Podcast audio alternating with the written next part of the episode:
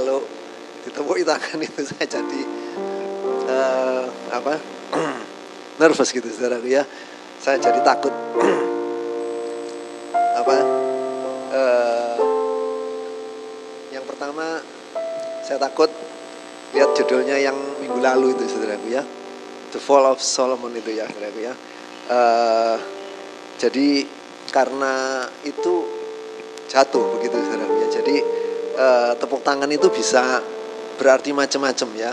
Uh, ya bersyukur tadi uh, Bapak Peter menjelaskan untuk memberi semangat gitu saudaraku ya, untuk memberi semangat gitu ya. Karena tepuk tangan itu bisa wow gitu saudaraku ya. Ini loh gitu saudaraku ya, aku gitu ya.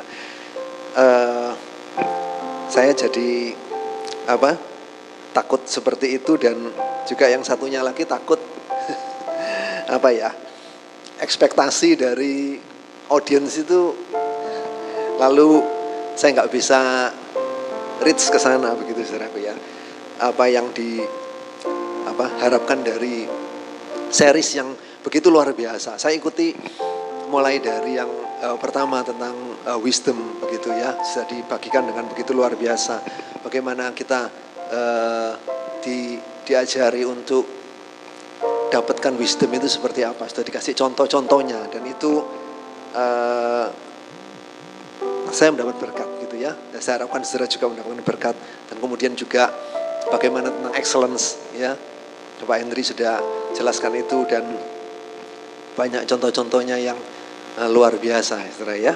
Itu uh, saya percaya kita dapatkan banyak uh, di sana juga last week minggu lalu uh, bagaimana tadi Peter sudah singgung uh, kalau lihat achievement saudaraku ya prestasi yang di, uh, dibuat atau yang dicapai oleh seorang Salomo gitu ya itu kayak kayaknya sudah apa ya kalau dihitung-hitung itu sangat-sangat kecil gitu ya probabilitasnya itu saudaraku ya.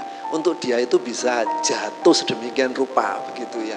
Tetapi eh, fakta yang kita tahu bahwa ya dia jatuh gitu saudaraku ya. Dan eh, ini yang eh, sangat-sangat apa ya buat kita itu kok bisa begitu ya. Kayak kayaknya itu buat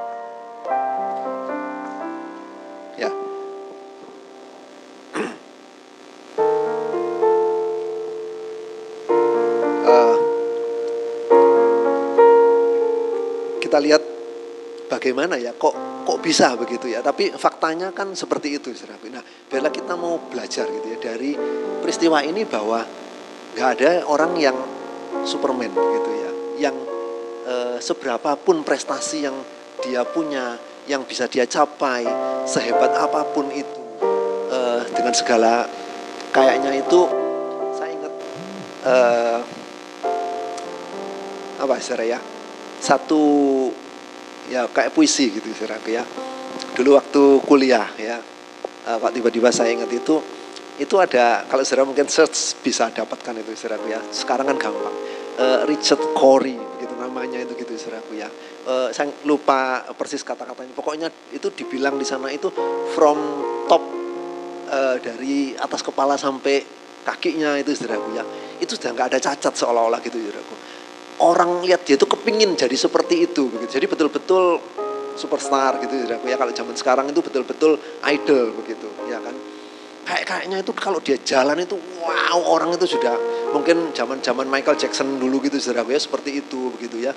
Dan tapi di bagian akhir dari uh, puisi itu dibilang and one day atau one night itu saya, saya aku lupa ya saudara ya seperti apa kalimatnya dia bilang apa he put a bullet into his head katanya gitu saudara di dalam puisinya jadi dia mengakhiri dengan apa?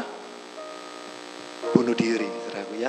Jadi peluru itu masuk ke dalam kepalanya. Kan orang pikir gini, kok bisa ya? Kok bisa ya? Orang yang semua itu kepingin jadi seperti dia. Tapi akhirnya bisa seperti itu. Kita nggak pernah tahu gitu, saudaraku ya. Kadang uh, kita lihat rumput tetangga itu is always greener gitu saudaraku ya. Uh, rumputnya tetangga itu selalu kayaknya lebih bagus, lebih hijau, lebih seger gitu. Selalu memang seperti begitu. Tetapi uh, kalau kita belajar dari firman Tuhan, maka kita akan tahu karena firman Tuhan itu jujur begitu ya. Uh, apa adanya, nggak ditutup-tutupi. Uh, kan kalau biasanya kitab suci itu kan ngomong yang barang yang bagus-bagus gitu saudaraku ya. nggak ada produk gagal di sana kan begitu. Tetapi di dalam firman Tuhan kita diajari seperti itu. Itu makanya uh, tadi Peter sempat ngomong ada twist begitu saudaraku ya. Nah ini ada yang uh, minggu pertama kita belajar itu sudah dikunci katanya begitu saudaraku ya bahasanya. Bahwa nggak mungkin ada yang lebih dari hikmatnya Salomo ini. Nggak ada yang bisa uh, sehebat Raja Salomo ini. Tetapi ternyata kan judulnya itu more than gitu saudaraku ya. E, ada yang e, versi lain begitu mengatakan greater than Solomon ya lebih besar begitu lebih mulia lebih agung lebih ya itu daripada Salomo nah oke okay. kita akan lihat di dalam Lukas 11 ayat yang ke-31 Injil Lukas 11:31 begini firman Tuhan. Ya. Kita baca ya. Pada waktu penghakiman, ratu dari selatan itu, siapa ratu dari selatan? Itu Ratu Sheba ya. Akan bangkit bersama orang dari angkatan ini dan ia akan menghukum mereka sebab ratu ini datang dari ujung bumi untuk mendengarkan hikmat Salomo dan sesungguhnya yang ada di sini lebih daripada Salomo, more than greater than Solomon. Ya, siapa ini, saudara? Ya, kok ternyata ada? Katanya udah dikunci begitu. Ternyata ada. Ya, inilah putra manusia Yesus. Ya, dan kita melihat kayaknya itu apa iya begitu gitu saudaraku ya tapi benar ini saudaraku ya. Ini bukan kata-kata uh, yang dilebaikan begitu. Tetapi ini faktanya seperti begitu. Dan kita mau belajar bagaimana ada satu pribadi yang bisa more than Solomon ya dan dia nggak jatuh gitu. Ini yang amazing kan seperti itu. Jadi kalau tadinya itu orang seperti Salomo itu jatuh, tetapi yang ini enggak Saudara kalau kita melihat di dalam eh, bukan di dalam kekristenan aja ya, tapi dalam sejarah ya memang kekristenan selalu mewarnai di sana gitu ya. Saudara lihat eh, perkembangan-perkembangan dari bangsa atau negara itu kalau kita lihat saudara selalu dimulai dengan masuknya Injil begitu ya. Selalu dimulai dengan masuknya Injil dan negara atau bangsa itu itu lalu jadi maju ya develop. Terus kemudian ada banyak uh, invention apa penemuan-penemuan begitu ya. Terus kemudian mulai ada pembangunan dan kemudian berkembang ya berkembang dan berkembang. Lalu menjadi satu bangsa atau negara yang luar biasa ya di Eropa. Itu kan ya ngomong gampangnya itu kan yang kita bisa lihat arsitekturnya bagus saudaraku ya. E, perkembangan dari teknologi ya kan? Itu e, teknologi banyak muncul di sana. E, kemudian seni juga di situ ya. Mulai dari seni rupa musik kan begitu ya. Sampai hari-hari ini kan e, itu luar biasa saudaraku ya. Tetapi ada satu kalau lihat grafiknya itu kan ada satu titik yang kayak jadi puncak gitu saudara. Buat puncak selalu begitu. Ketika uh, Injil masuk orang-orang itu jadi hidupnya itu berubah saudaraku ya. Yang tadinya itu hidupnya nggak bener, yang tadinya hidupnya itu apa ya eh, nggak tertib begitu, itu kemudian jadi pribadi-pribadi yang baik, jadi punya apa ya pola-pola pikir yang benar begitu. Terus kemudian, nah ini ketika itu sudah muncul, terus apa saudara? Bukan lagi rohani yang dipelihara, diperhatikan sungguh-sungguh, tetapi geser sudah. Apa? Ilmu pengetahuan, knowledge, ya. Apa yang manusia bisa, itu yang akhirnya ditinggi-tinggikan dan itulah mereka capai puncaknya dan kemudian drop. Kita lihat ya, seperti itu kan Eropa. Terus kemudian apa? Geser dari Eropa geser ke Amerika. Amerika itu sebetulnya kan dari orang-orang dari Eropa yang migrate ya, uh, migrasi ke sana begitu. Itu makanya kan ada nama-nama yang mirip sekali dengan di di Eropa begitu saudara ya. Beberapa mereka pakai nama-nama seperti New York gitu saudara ya. Itu kan ada York yang ada di UK itu kemudian jadi New York begitu ya. Kemudian ya macam-macam banyak.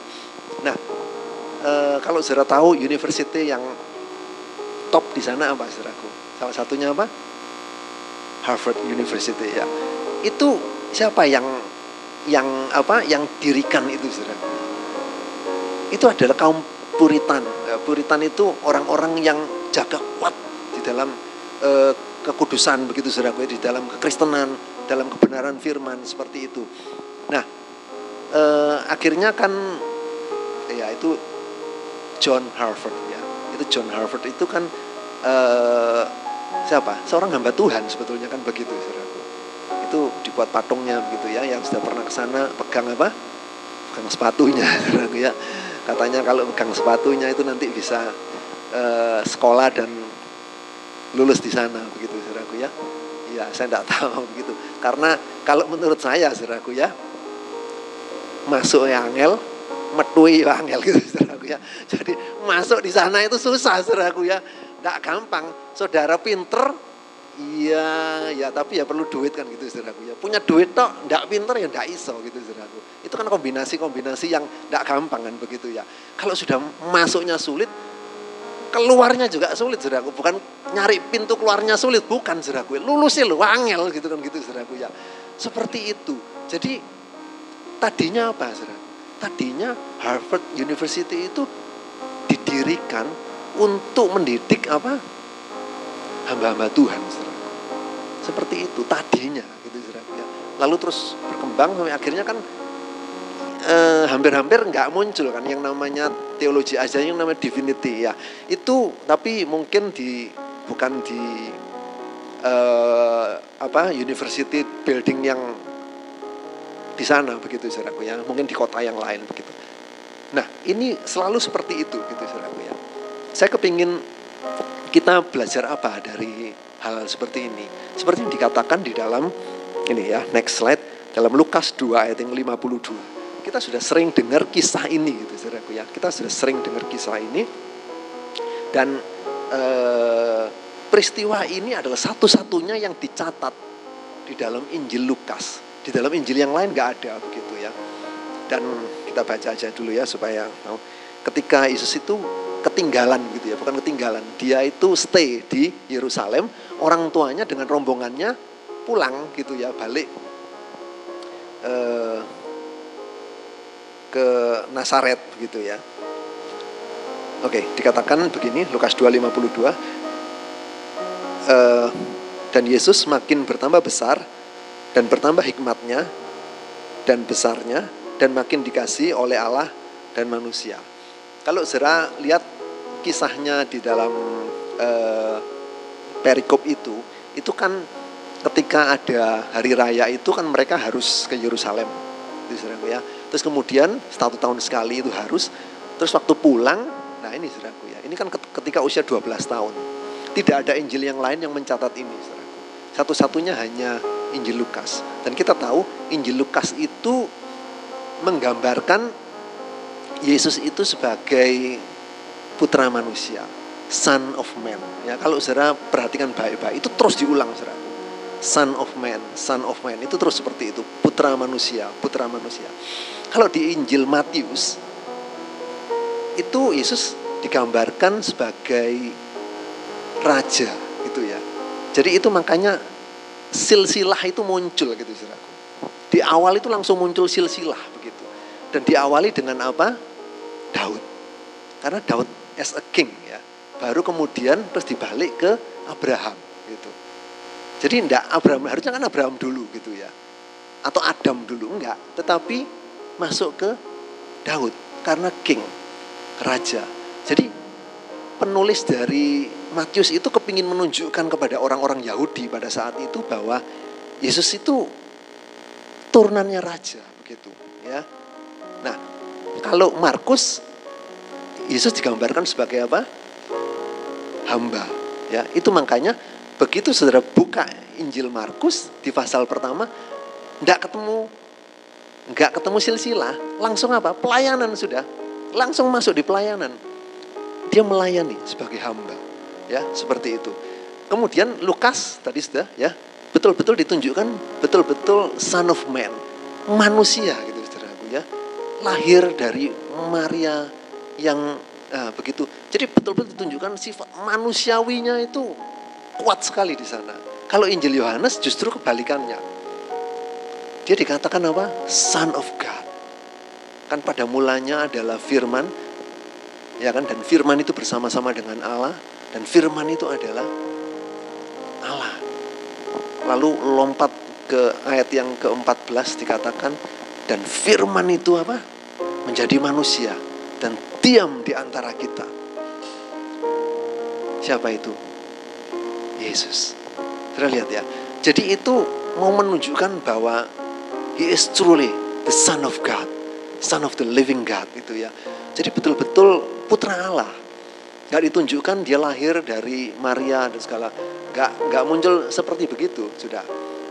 Nah dari sini kita mengerti ini kenapa Lukas itu dan kisah dari apa ya e, masa remajanya begitu saudaraku ya ya kalau e, pakai istilah di dalam versi bahasa Inggris memang kurang tepat saudara. Karena teenager itu kan mulai dari 13 saudaraku ya. 13 ini kan 12 begitu ya. Belum belum teen mestinya begitu. Tetapi kan masa kecilnya atau masa ya katakanlah mulai masuk ke remaja itu saudaraku ya. Itu Gak ada kisah yang di luar Injil Lukas ini. Satu-satunya cuman Injil Lukas ini yang menceritakan. Nah, dan Injil Lukas ini menunjukkan dia itu sebagai son of man, ya putra manusia. Nah, kalau kita lihat baik-baik gitu saudaraku ya. Dari ayat ini, eh, pasal 5, eh, pasal 2 ayat yang ke-52 ini, terjemahan baru menuliskan seperti ini ya. Jadi dia itu makin, Yesus itu makin bertambah besar, dan bertambah hikmatnya dan besarnya dan makin dikasih oleh Allah dan manusia.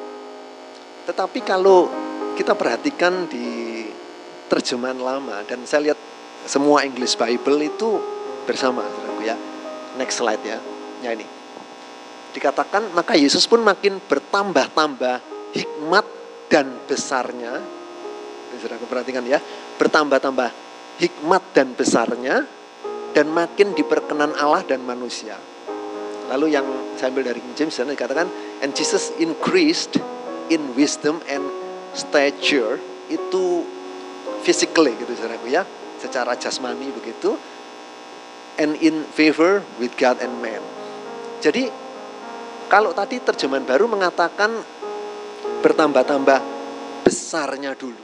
Jadi ini fisikalnya dulu gitu. Tetapi terjemahan lama dan English Bible memakai wisdomnya dulu.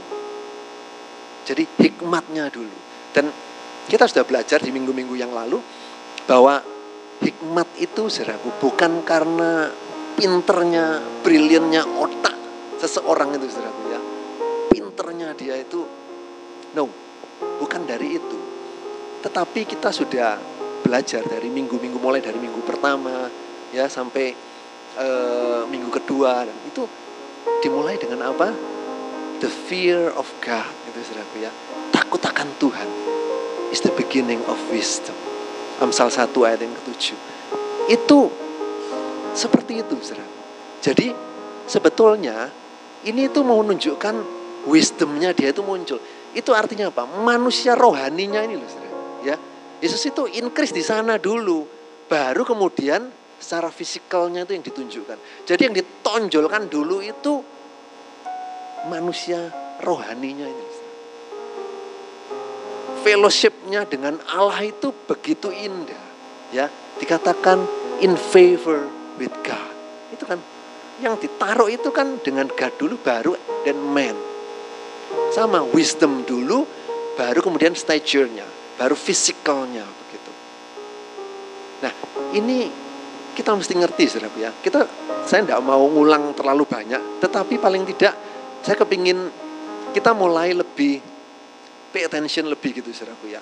Perhatikan lebih lagi bahwa yang namanya hikmat itu bukan karena saudara mungkin pikir gini, aduh aku nggak kayak anu ya si A si B dia itu dari orang tuanya aja loh ya mungkin mikir itu lulusan dari sekolah-sekolah yang top luar negeri mungkin atau bahkan profesor mungkin begitu ya kita kenal seperti Pak Moses itu anaknya Pak Moses ya enak aja kan gitu ya. Papa ini profesor, ya makanya anaknya juga S3 begitu. Mungkin saudara pikir begitu. Lah aku, papa aku SD gak lulus begitu saudaraku ya.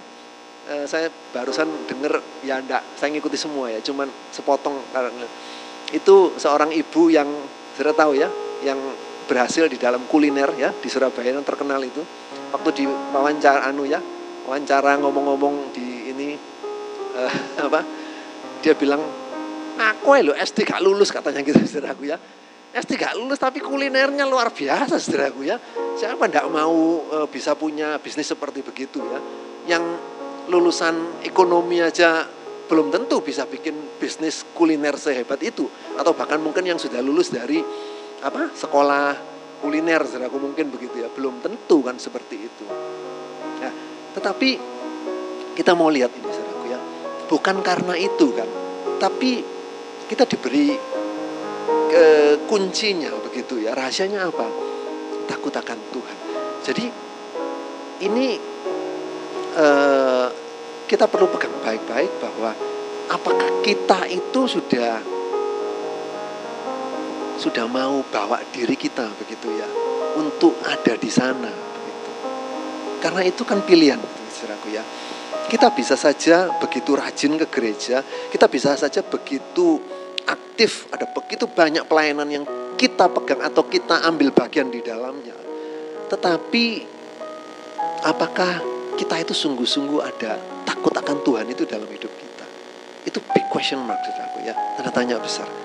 E, pernah satu kali saudaraku, ini bukan di Indonesia ya, di Amerika, itu ketika graduation, uh, wisuda itu saudaraku, acara wisuda dari sekolah teologi ya, dari sekolah teologi. Jadi setelah mereka itu di wisuda keluar itu saudaraku ya, terus di wawancara satu-satu saudara, kayak dicegat gitu ya, saat ditanyai gitu dengan pertanyaan simpel. Apakah engkau percaya bahwa Yesus itu Tuhan? Pertanyaannya kan konyol saudaraku ya. Kalau itu ditanyakan di sekolah mungkin ya sekolah-sekolah sekuler yang begitu saudaraku ya. Itu ya masuk akal lah begitu ya. Tapi ini di sekolah teologi ya saudaraku. Lulusannya itu kan hamba-hamba Tuhan kan begitu harusnya saudaraku ya. Dan yang mengejutkan itu jawabannya itu saudaraku. Itu bisa di bawah 50% mereka mengatakan tidak jelas lah ragu-ragu lah ada yang nggak percaya begitu bahkan Nah terus ngapain ya mereka sekolah di sana begitu? Ya ada banyak yang apa ya mereka sekedar itu cuman sekedar apa ya untuk ya itu knowledge gitu saudara. Ngerti ya? Knowledge pengetahuan begitu saja. Tapi nggak ada yang namanya lahir baru takut akan Tuhan. Itu nggak pernah ada nggak pernah dialami ya. Uh, saya harap saudara masih apa ingat zaman-zaman ketika kita belum pandemi saudara ya. Kita pernah punya hashtag yang namanya apa? Experiencing God itu saudara. Ya. Itu luar biasa ya. Jadi ya saya benar-benar apa ya? agak-agak terobsesi begitu saudaraku ya. Setiap kali itu iya ya, apakah aku itu ngalami Tuhan begitu ya di dalam di dalam hidupku setiap hari itu ngalami Tuhan enggak atau cuman sekedar ya sudah ini rutinitas aku Kristen ya ya sudah begini. Berdoa ya. Ya sudah berdoa. Eh, saya pernah ngomong di kelas di SAI ya. Kadang-kadang itu untuk doa makan sudah tahu ya. Jujur saudaraku saya pernah doa makan itu sampai dua kali saudaraku. Waktu mau makan kan mesti berdoa saudaraku ya. Terus kemudian mau nyendok makan gini mikir gini saudaraku Wes doa apa gurung gitu saudaraku ya. Sudah berdoa belum ya? Nah, itu kan menunjukkan apa saudaraku? Bahwa saya sudah kejebak di dalam apa? Rutinitas gitu loh. Iya kan? Bahwa namanya orang Kristen itu belum makan ya berdoa. Tapi kan saya tidak pernah mikir bahwa itu bukan otomatis begitu ya. Tetapi ada satu ungkapan rasa syukur saya bahwa oh saya ini masih bisa makan loh. Ini berkati Tuhan, ya kan? Bukan karena lu ya kamu kan kerja. Kamu kan bisa nyari duit. Iya, saudaraku. Saya bisa kerja, saya bisa cari duit. Itu kan keringetmu. Enggak juga begitu saudaraku ya. Dalam artian begini, apakah itu betul-betul cuma hasil keringat saya? Saya tidak bisa mengaminkan itu 100% saudara. Karena saya tahu bahwa kalau Tuhan itu enggak support saya begitu ya. Enggak buat saya bisa kerja. Untuk saya bisa apa dapatkan sejumlah begitu saudaraku ya. Untuk penghasilan untuk membiayai ya seluruh rumah tangga lah dengan segala itunya ya eh, kebutuhan ininya yang harus dibelanjakan. Itu belum tentu gitu saudaraku ya. Karena setiap kali itu saya ingat gini saudaraku ya. Untuk nafas ini aja loh saudaraku ya. Untuk nafas ini aja. Saya itu dipinjemi gitu saudaraku. Ya kan? Apakah saudara pernah aware itu? Kita ini cuma dipinjemi loh saudaraku. Nafas ini loh Kadang-kadang buat orang itu lupa begitu ya, begitu apa pride itu begitu tinggi. Rasanya tuh waduh. Mungkin ya itu tadi seperti saya ngomong Richard Corey itu saudaraku ya. Ganteng ya, dilahirkan ganteng memang tidak salah kan gitu saudaraku ya. Wong dia juga tidak milih gitu iya kan. Ya terus kemudian dengan body atletis begitu, iya tuh. Itu kan faktor genetis segala macam itu kan ada di sana begitu ya. Dia juga nggak milih kan begitu ya toh. Kemudian punya vokal yang bagus begitu saudaraku ya. Wih suaranya enak itu wis ganteng bodinya bagus waduh nek nyanyi itu gitu saudaraku ya. Terus juga pinter saudaraku ya. Otaknya brilian begitu. Wow gitu saudaraku ya. Wow gitu. Terus tambah lagi apa saudaraku? Bonusnya apa? Lahir dari keluarga yang tajir saudaraku ya. Mungkin bahasanya bukan tajir karena apa? Sultan gitu saudaraku ya Wow, sudah komplit sudah saudara. Apalagi yang mau dicari begitu. Tetapi kan apa ya? Hal-hal seperti begini ini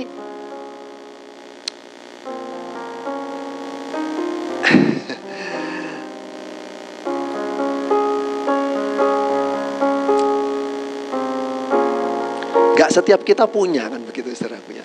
Nah biarlah uh, kita mulai tahu bahwa kita itu perlu perlu sadari bahwa kita ada seperti kita ada sekarang ini kita perlu bersyukur begitu ya dan setiap nafas setiap eh, kehidupan yang kita bisa punya saat ini biarlah kita mau sungguh-sungguh kita itu tahu bahwa ini Tuhan berikan yang terbaik dan kita mau begitu ya aset atau apa pun yang kita punya itu kita juga mau maksimalkan begitu kalau Salomo aja bisa. Kita itu punya kesempatan more than Solomon seperti itu ya. Saudara mungkin pikir, oh iya itu kan putra manusia Yesus begitu ya. Atau orang Kristen itu kan bilang begini saudaraku ya. Bukan orang Kristen saudaraku ya. Kristen saudaraku ya. Karena orang Kristen kan ngomongnya gitu. Tuhan Yesus begitu saudaraku ya. Nggak, nggak ngomong putra manusia. Tuhan Yesus kan selalu begitu. Mereka ngomongnya kan hal Tuhan Yesus. Tuhan, saudaraku ngerti ya. Jadi nggak ada istilah ya, kita bersyukur saudaraku ya Bapak Gembala itu sering pakai istilah itu putra manusia Yesus. Karena memang ketika dia ada di dunia ini, dia itu betul-betul son of man. Punya tubuh daging kayak kita saudaraku ya. Ketika terluka, darah itu netes saudaraku kalau dia itu divine, itu apa? Allah, saudaraku ya, itu gak akan berdarah, saudaraku. Tidak akan pernah lapar.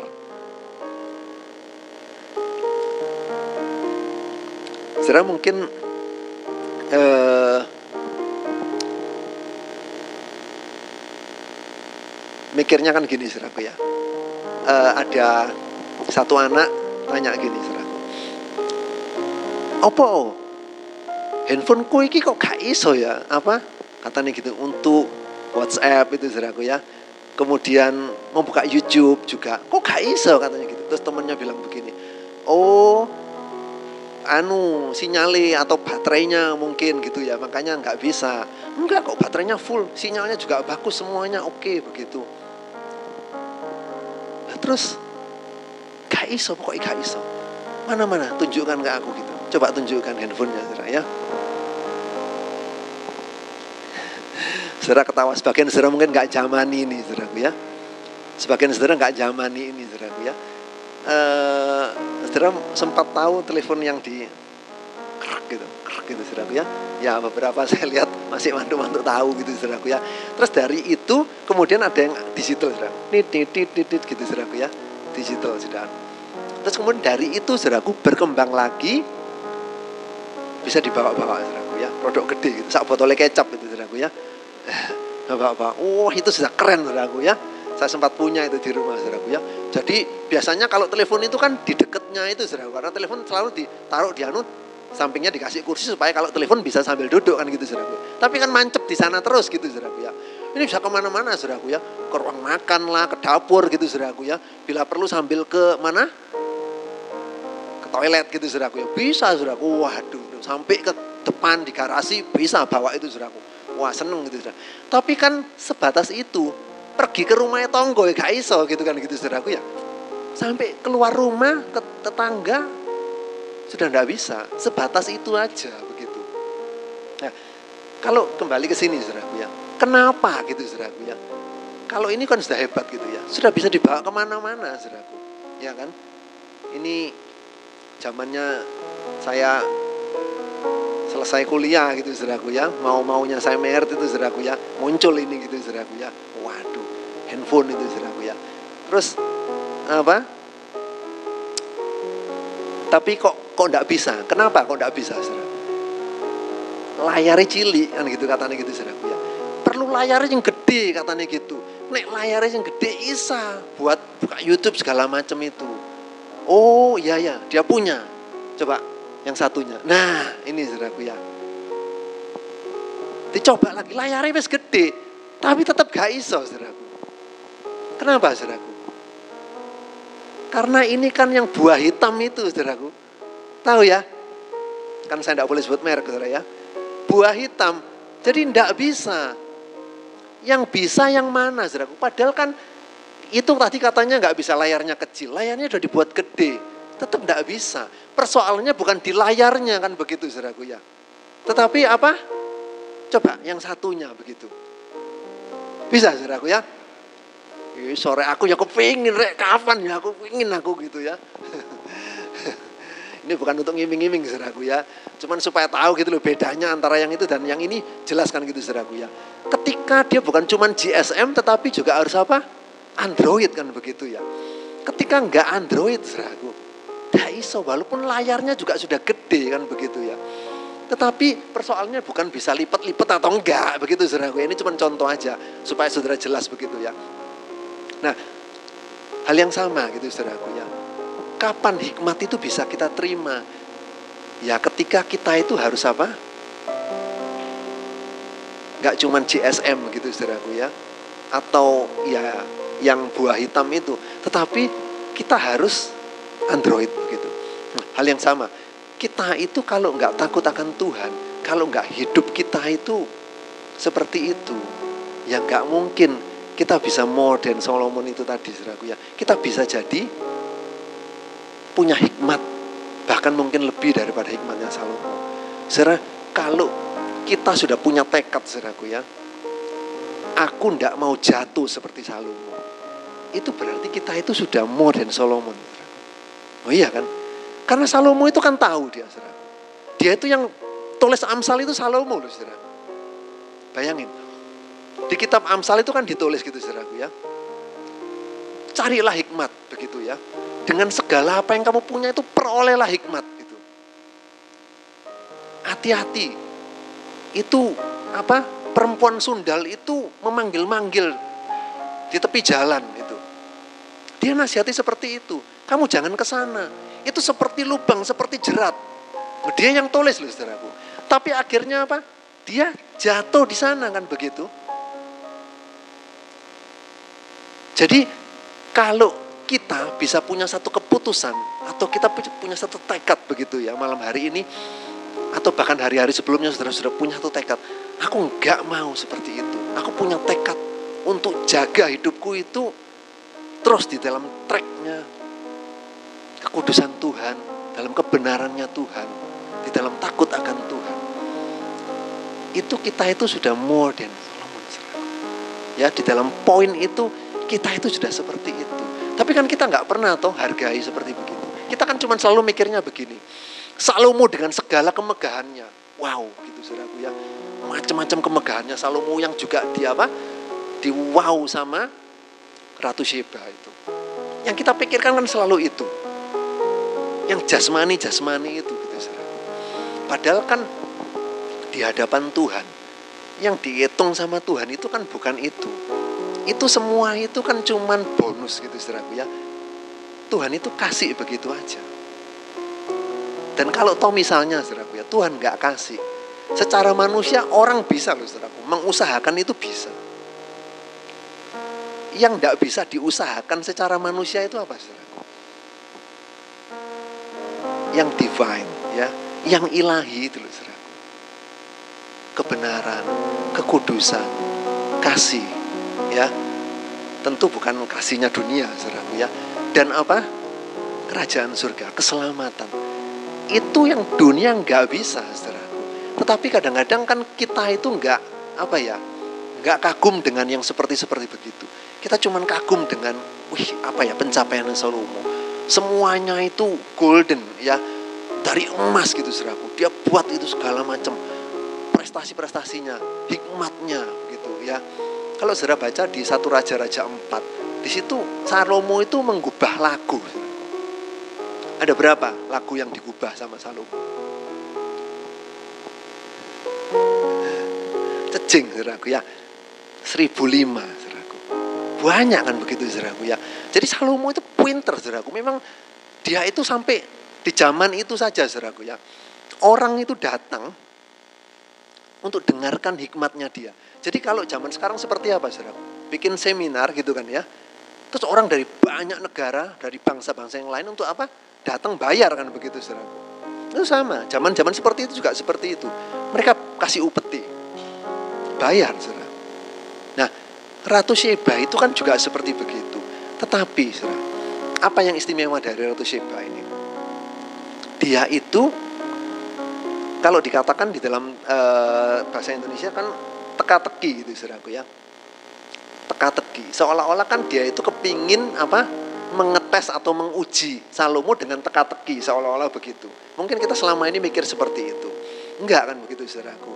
Kalau saudara baca English Bible maka istilah enigma atau hard difficult question begitu saudaraku ya seperti itu. Jadi pertanyaan-pertanyaan apa itu pertanyaan-pertanyaan sulit? Pertanyaan-pertanyaan yang menyangkut kehidupan.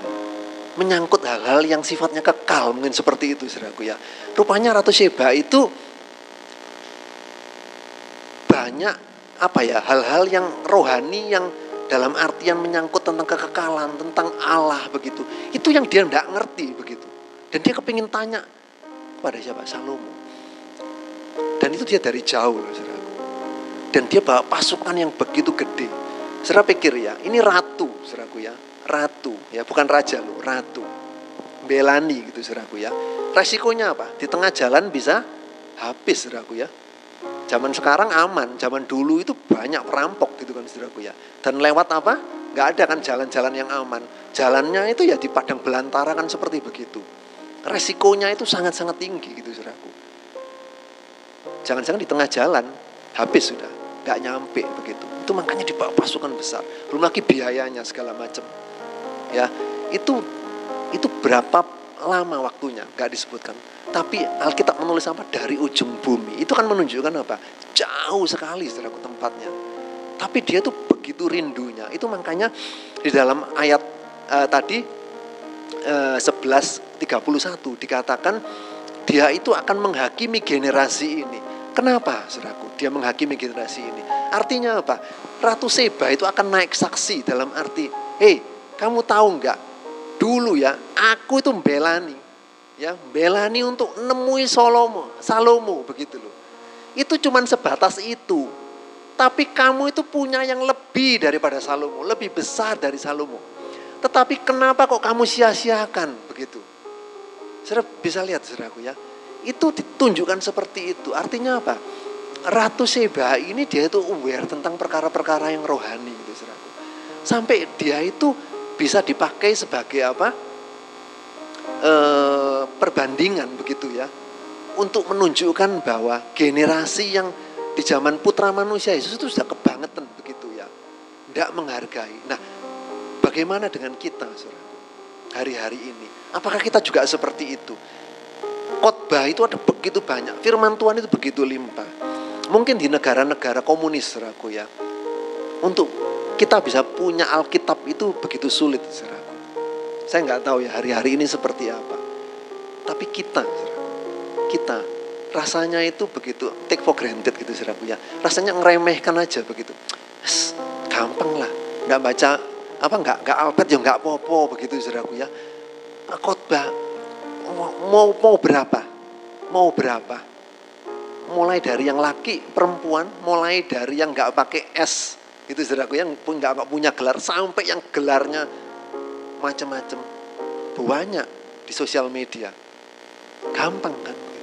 Jadi tidak pernah valuing apa ya menghargai kebenaran firman Tuhan segala macam itu nggak dan tidak pernah sungguh-sungguh tanya sama Tuhan ya di minggu yang pertama apa kekurangannya itu saudara ya kalau saudara ingat itu kita tidak pernah minta saudara seperti Ratu Seba dia itu cari loh saudaraku Apakah kita juga selevel Ratu Siba? Carinya hikmat itu sampai getunya kayak gitu ya. Saya pinjam bahasa Surabaya, saudara, getu, sudah tahu ya. Itu punya satu tekad yang begitu kuat untuk dapatkan itu. Saudaraku, uh, next slide.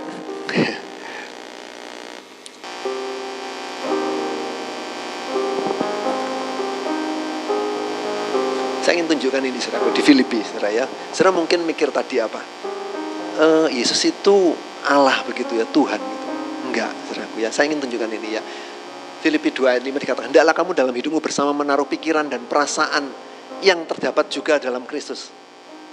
Perasaan yang kayak apa begitu ya. Next, ayat yang ketujuh. Ya, melainkan telah mengosongkan dirinya sendiri dan mengambil rupa seorang hamba dan menjadi sama dengan manusia.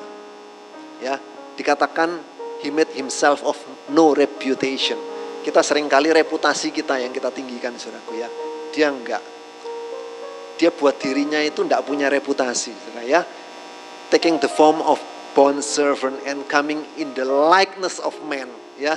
Jadi betul-betul manusia, saudaraku, ya. Itu bukan cuman ya setengah dewa gitu, enggak, saudaraku. Betul-betul son of man, saudaraku ya. Next. Tetapi ini loh saudara. Dan dalam keadaan sebagai manusia diulang lagi saudaraku ya. As man ini saudaraku ya. Ia telah merendahkan dirinya dan apa? Ini yang tidak punya Salomo saudaraku. Dan taat sampai mati. Bahkan mati di kayu salib. Obedience. Ini yang tidak dipunyai oleh Salomo. Di awal dia punya itu. Jadi di awal pemerintahan, di awal kehidupan Salomo, itu bagus saudaraku. Dia punya ini semua. Itu makanya Tuhan itu kasih sama dia. Dikasih kesempatan, kamu minta apa? Itu kan privilege saudaraku ya. Kamu mau minta apa? Loh, kalau seorang raja, seorang penguasa pembesar saudaraku tanya seperti itu. Kan itu privilege saudara ya. Satu kehormatan yang tidak gampang saudaraku. Kadang-kadang rakyat kecilnya yang mohon-mohon gitu. Tapi ini kan kebalik. Dikasih tawaran, kamu mau minta apa? Tapi permintaannya kan bagus, saudaraku ya. minta hikmat. Dia nggak minta kekayaan, nggak nggak minta uh, apa pangkat, nggak minta kedudukan, nggak. Tapi dia minta wisdom, hikmat. Gitu. Itu sudah bagus. Tetapi ya itu dalam perjalanannya, seperti saya bilang tadi, saudaraku ya, Amerika kan juga begitu. Tadinya kan diawali dengan orang-orang yang seperti ini, sungguh-sungguh begitu, saudaraku ya. Kaum Puritan ini datang ke sana, dirikan itu United States of America. Tetapi dalam kenyataannya kan sekarang kan mas, ya bukan itu yang yang terkenal apanya? Hollywoodnya mungkin begitu saudaraku ya. Perkara-perkara dosa banyak muncul di sana begitu. Nah hati-hati dengan seperti ini saudaraku ya. Slide yang tadi. Next slide. Dikatakan ini mungkin kita sudah sering dengar saudaraku ya. Sebab imam besar yang kita punya bukanlah imam besar yang tidak dapat turut merasakan kelemahan-kelemahan kita. Sebaliknya sama dengan kita. Ya dikatakan sama, artinya dia juga manusia begitu ya. Ini imam besar itu kan bicara tentang putra manusia Yesus ya. Ia telah dicobai, hanya tidak berbuat dosa. Munculkan next slide, English Bible mengatakan seperti ini saudaraku ya. Which cannot be touched with the feeling of our infirmities jadi dia itu bisa disentuh atau dijama dengan feelingnya ya. Semua yang kita rasakan. Kejengkelan, kemarahan, kebencian, kelaparan ya. Segala nafsu-nafsu e, perjinahan itu bisa muncul. Dia itu dijama dengan itu saudaraku. Bukan dia itu, oh ya dia Tuhan, nggak nggak ngerasakan itu. Dia kena saudaraku. But was in all points tempted jadi segala segi, segala macam itu dia dicobai saudaraku ya. Like as we are, just like us gitu ya. Sama seperti kita, manusia kena semua dia. Ini saudaraku, yet without sin. Dia itu nggak berdosa saudaraku. Ya dia nggak jatuh artinya. Ini loh yang dikatakan more dan Solomon itu di sini poinnya saudaraku ya. Salomo jatuh, dia nggak jatuh saudaraku. Artinya apa? Kita bisa than Solomon. Karena kita punya pattern ini. Gak ada amin. Karena yang obsesi kita sering kali bukan kita sorry manusia. Itu kan kepinginnya yang itu saudaraku ya. Apa yang dicapai oleh Salomo itu. Segala kekayaannya, kejayaannya, segala kepinterannya itu saudara. Itu yang kita kejar. Tetapi kan kita nggak pernah perhatikan yang yang manusia rohaninya. Oke, okay, next, ya. Dikatakan ini saya ingin tunjukkan ini saudaraku ya. Apa kesalahannya Salomo ya? Dicatat di sini saudaraku ya. Adapun Raja Salomo mencintai banyak perempuan asing di samping anak Firaun. Ia mencintai perempuan-perempuan Moab, Amon, Edom, Sidon dan Het. Next. Padahal tentang bangsa-bangsa itu Tuhan telah berfirman pada orang-orang Israel, jangan kamu bergaul dengan mereka dan mereka pun janganlah bergaul dengan kamu sebab sesungguhnya mereka akan mencondongkan hatimu kepada Allah-Allah mereka. Hati Salomo telah terpaut kepada mereka dengan cinta. Jadi tadinya itu cinta Tuhan, saudaraku. Sekarang sudah enggak. Cintanya itu ke sana begitu. Nah, malam hari ini, saudaraku, pertanyaan yang sama. Yang jadi cintanya kita, obsesi kita yang paling tinggi itu di mana sekarang? Aku lagi sedang ngejar karir begitu ya. Aku lagi sedang ngejar pacar atau aku lagi sedang ngejar apa lagi saudara? Yang jadi the first priority ini yang mana gitu saudara? Cintanya kita itu kalau sudah hati-hati saudara. Kalau Salomon ya. Next. Ia pun mempunyai 700 istri dan kaum dari kaum bangsawan dan 300 gundik. Istri-istrinya itu menarik hatinya. Ya. Jadi turn his heart away from God. Jadi hatinya itu sudah dibelokkan begitu loh. Dan dia belok, dia sudah nggak sadar lagi bahwa belok sudah. Next. Sebab pada waktu Salomo sudah tua, istri-istrinya mencondongkan hatinya kepada Allah-Allah sehingga ia tidak dengan sepenuh hati berpaut kepada Tuhan Allahnya seperti Daud ayahnya.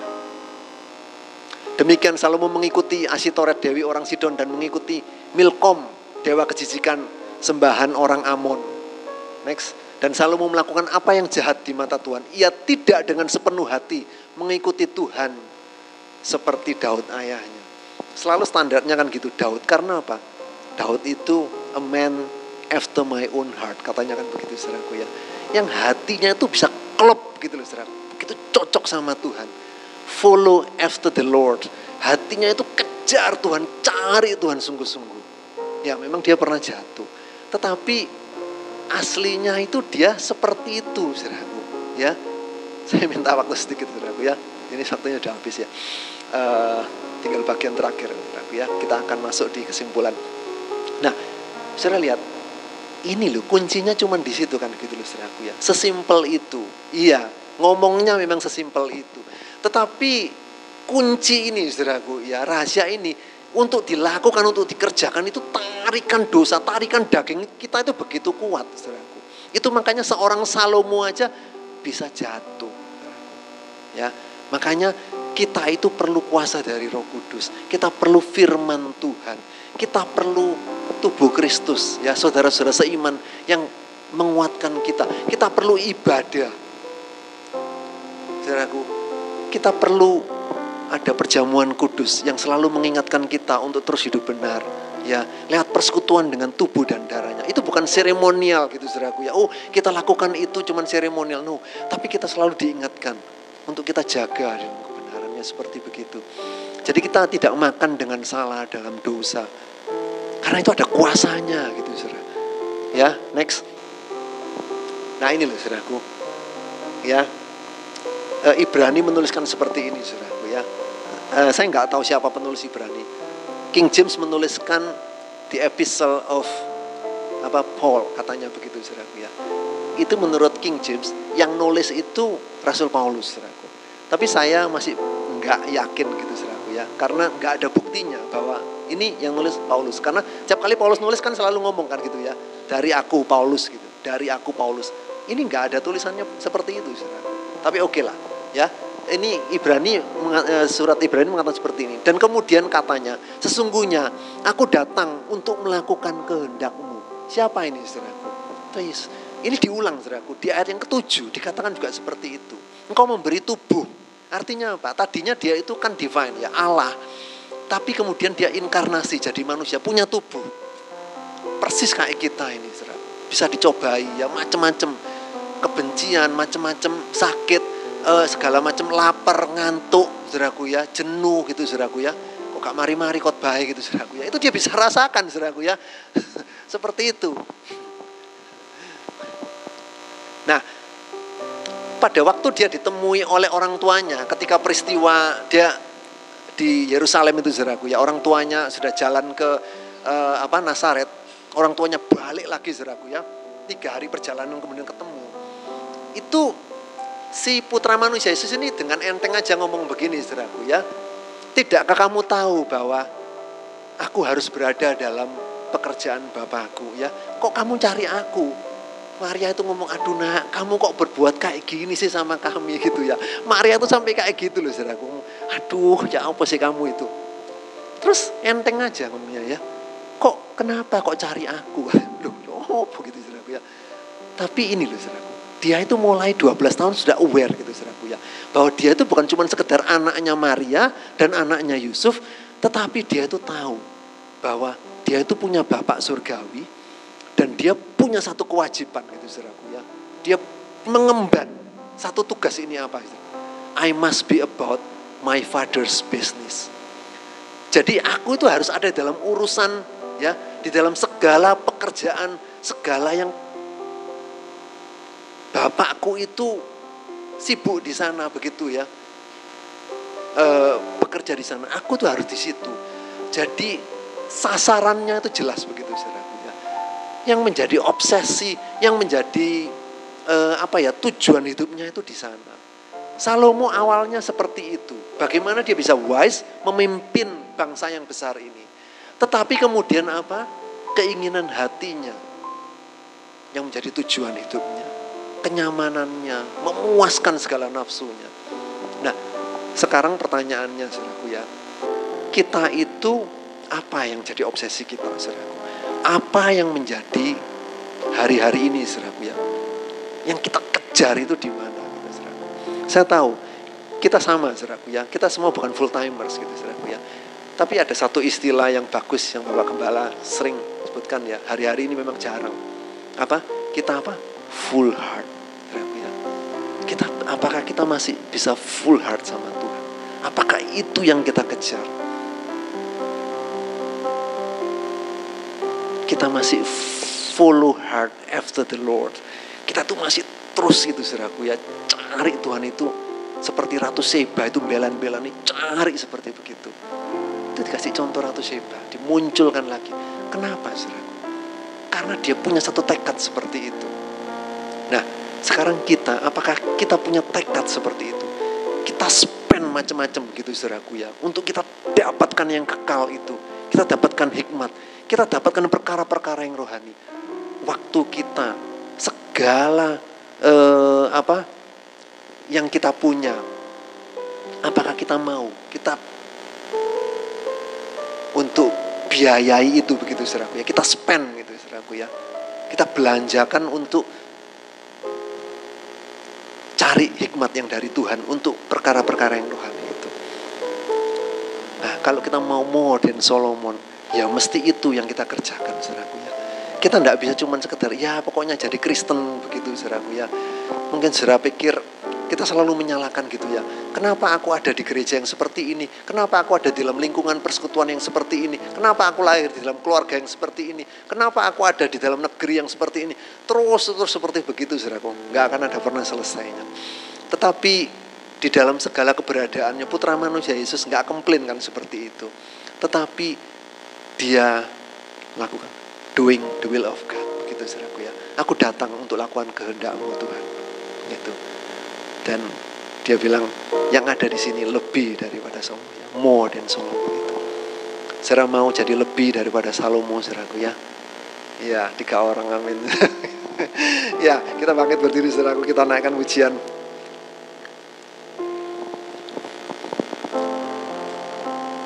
adalah kita tetap setia, saudaraku ya, dengan kebenaran, dengan hikmatnya Tuhan ini, dengan perkara-perkara rohani ini.